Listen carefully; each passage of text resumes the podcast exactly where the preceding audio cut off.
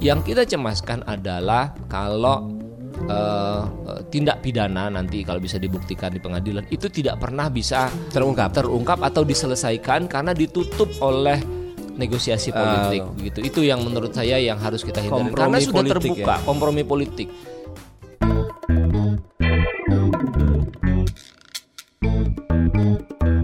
Halo, jumpa lagi dengan ngopi bareng Azul, ngopi yang pasti bikin melek ngobrol opini majalah Tempo.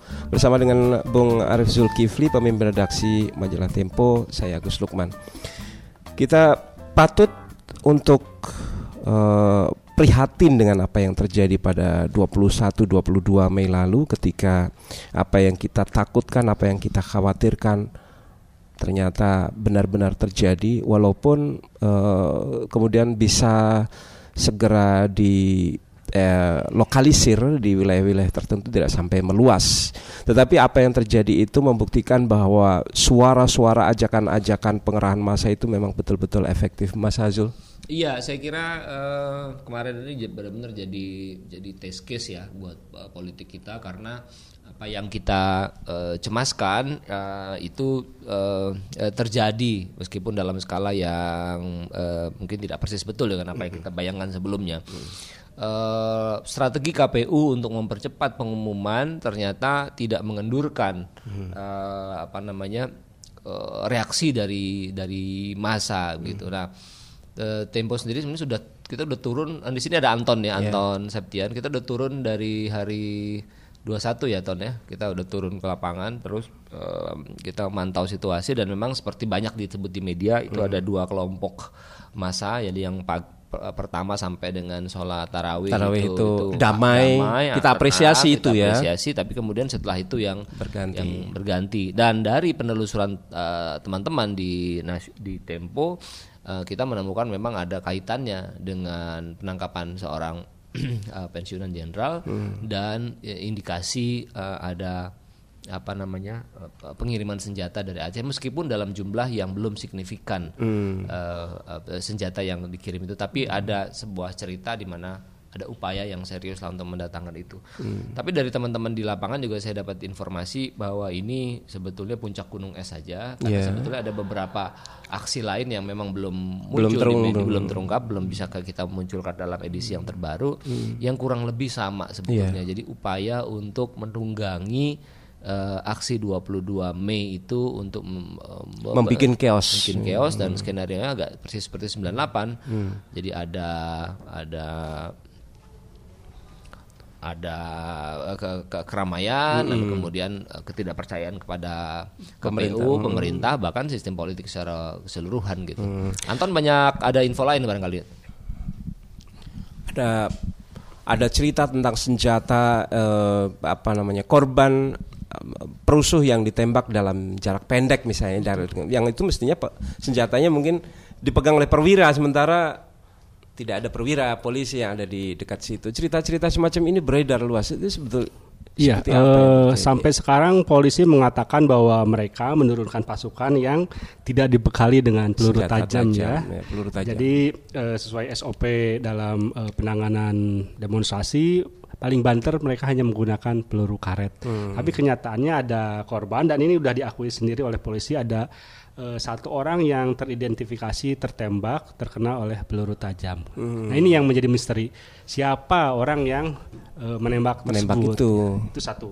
Yang kedua senyampang itu kita uh, di dalam majalah Tempo edisi terbaru uh, menemukan bagaimana uh, purnawira seorang purnawira jenderal ya uh, mengirimkan senjata ke, hmm. dari Aceh ke Jakarta yang menurut polisi diduga akan dipakai untuk uh, aksi massa hmm. kemarin. Artinya yeah. Iya. uh, dibikin untuk melahirkan martir sehingga kemudian memicu uh, kejadian yang seperti lebih 98 Betul. Ya. Tapi kan yang ini sudah ketahuan senjatanya hmm. juga sudah keburu disita di, ya. di di bandara ya uh, sesampainya dari Aceh ke Jakarta. Nah, pertanyaannya adalah ini senjata yang mana lagi? Hmm. Senjata siapa lagi yang dipakai untuk uh, menembak masa? Yeah. Itu yang masih menjadi pertanyaan kami juga hmm. begitu ya. Tentu saja ada cerita-cerita yang kita dapatkan tapi memang sejauh ini uh, belum bisa kita konfirmasi karena kita masih coba menelusuri hal-hal uh, lain yang sebenarnya di dalam tulisan kita pekan ini baru uh, segelintir info saja yang yang yang yang kita uh, tulis ya. Hmm. Ada hal-hal lain yang masih kita coba verifikasi secara terus-menerus untuk uh, mengetahui detail kronologis uh, ada apa sebenarnya dan siapa sebenarnya yang menunggangi uh, aksi masa kemarin seperti ya, itu. Di majalah Tempo cukup cukup banyak cerita termasuk soal ambulan dan sebagainya. Nah, uh, bagi para pendengar tentu bisa membaca lebih lengkap di majalah Tempo tetapi ini kan para politisi orang-orang yang ada di uh, belakang layar mestinya jauh-jauh hari bisa menekan masa itu ya sebetulnya tetapi sampai peristiwa tanggal 22 itu tidak ada satupun yang bersuara kecuali uh, Prabowo yang kemudian belakangan baru minta supaya mereka pulang. Iya, saya kira ini memang sesuatu yang sangat kita uh, apa namanya kita kita sesali ya bahwa para politisi uh, apa namanya tidak ber, terbiasa menerima kekalahan. Satu memang tidak ada budaya tidak ada budaya politik yang mengaku kalah ya. Hmm. Uh, kalau kita ingat dulu waktu Megawati uh, tidak terpilih menjadi presiden meskipun dia yeah. pemenang pemilu pada yeah. tahun 2099 ya itu uh, itu terjadi amuk masa juga di yeah. Bali basis daerah pemilihannya mm -hmm uh, kantong, suaranya PDI, PDIP uh. gitu.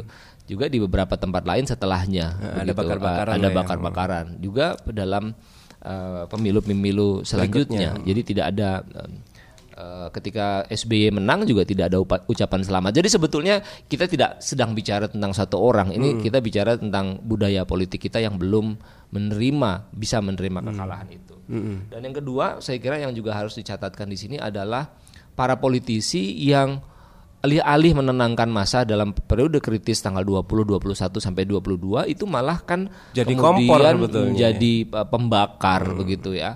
Uh, meskipun kita lihat bahwa uh, spirit mereka atau semangat mereka untuk membakar itu juga gampang sekali dipadamkan yeah, gitu dikasih percikan air aja udah mm padam sendiri terbukti yeah. dari Amin Rais yang merevisi mm -hmm. uh, rencana people, people powernya power. menjadi people power enteng-entengan begitu kan itu kan menurut saya menurunkan kredibilitas yang yeah. bersangkutan ya. Hmm. Itu saya kira dua hal yang menjadi menjadi menjadi concern kita. Nah, saat, saat saya tambahkan satu lagi menurut saya apa yang ditulis oleh Anton dan teman-teman di Tempo ini kan sebenarnya sudah sudah satu gambaran mozaik yang berhasil kita kumpulkan. Yeah.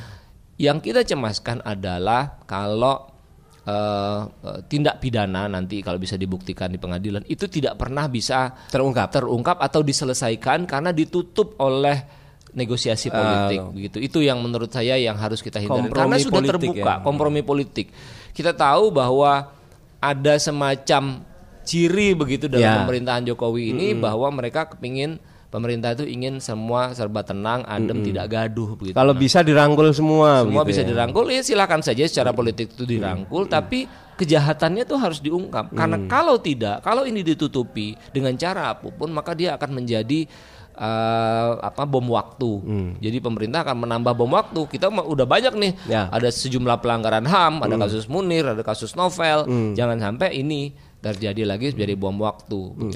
Terutama bagi para pendukung 02 yang mungkin kecewa karena banyak orang di, uh, orang-orang di kubu mereka yang ditangkap, termasuk anggapan bahwa masa ini di eh, dianggap sebagai kelompok mereka gitu ya.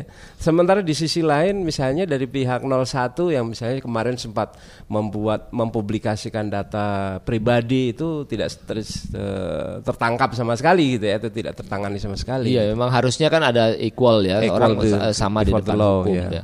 Saya kira juga yang jadi harus jadi perhatian adalah eh, tampaknya meskipun KPU sudah mengumumkan pemenang pemilu mm -hmm. Eh, ketegangan di dalam masyarakat antara pembela 01 dan pembela 02 ini akan terus berlangsung. Hmm. Bukan sekedar sampai MK nanti memutuskan tapi setelahnya gitu. Saya sudah lihat misalnya dalam kasus uh, amuk masa 22 Mei ini aja uh, publik itu masih tetap dalam keterbelahan yang sama gitu. Hmm. Tapi isunya berubah atau bergeser. Yeah. Kalau sekarang ini kubu 01 akan concern sekali pada pihak-pihak uh, yang menunggangi okay. demo masa hmm. 22 Mei hmm. begitu. Tapi kubu 02 akan concern sekali kepada kekerasan, kekerasan yang dilakukan aparat. oleh aparat ya, oleh Brimob. Jadi hmm. kalau kita tulis kalau kita bicara yang satu maka yang lain akan mengatakan kenapa yang ini tidak ditulis ah, begitu iya. atau kenapa ini tidak dibicarakan. Jadi hmm publik uh, sejauh ini belum bisa jernih paling tidak di hmm. sosial media hmm. uh, melihat bahwa dua-duanya harus diungkap. Yeah. Begitu. Itu kalau kita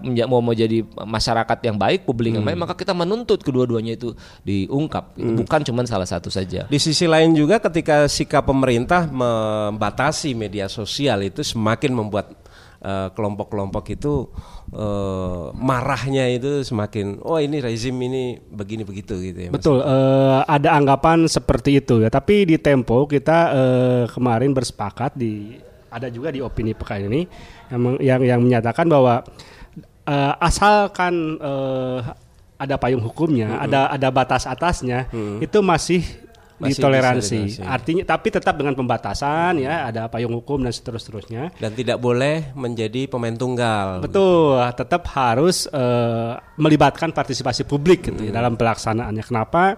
Karena kita belajar misalnya dari Selandia Baru ya ketika ada aksi terorisme pemerintah di sana pun ternyata membatasi uh, media sosial dalam hal ini uh, mencoba menurunkan konten-konten yang berisi kekerasan hmm. itu masih diperbolehkan hmm. begitu ya. Nah di, di di kita mungkin berbeda dengan teman-teman di luar uh, kita masih menoleransi pembatasan tersebut asalkan itu tadi hmm. ada uh, payung hukum ada pembatasan yang jelas, ada partisipasi publik begitu. Okay. Nah ini ini ini ini penting sekali karena kita lihat juga kemarin uh, ada di liputan kita pekan ini ada masa yang ikut-ikutan menyerang polisi yang dia sebenarnya bukan masa bayaran, okay. bukan masa bayaran, bukan juga masa pendukung salah satu capres dia ikut turun ke lapangan karena melihat video hmm. yang viral di media sosial yang menunjukkan uh, Brimob ya hmm. uh, diduga menembaki sebuah masjid. Okay. Oh, iya, nah, video iya. itu dia lihat tanpa berpikir panjang, dia ikut kemudian turun ke lapangan dan menyerang polisi. Ini berbahaya sekali padahal kejadian itu tidak ada hmm. seperti itu. Hmm. Jadi memang itu karena media sosial. Karena media sosial seperti itu memang uh, dalam beberapa hal uh, Tempo menyetujui pembatasan, hmm. tapi itu lagi sangat sangat sangat sangat ketat sekali yeah. ya. Jadi buka uh, dalam arti dibatasi sama sekali, yeah. tapi proporsinya itu dengan syarat-syarat yang saya katakan hmm. tadi. Nah, kalau Mas Azul, de, uh, ini hampir mendekati akhir. Ini proses hukum sekarang sedang ditangani oleh uh, polisi ada sekian ratus orang ditangkap, ada sekian orang yang diduga provokator ditangkap, ada orang-orang yang diperiksa. Apakah ini nanti diharap kalau misalnya semuanya diproses, itu nanti akan bisa me meredam atau justru malah memanaskan?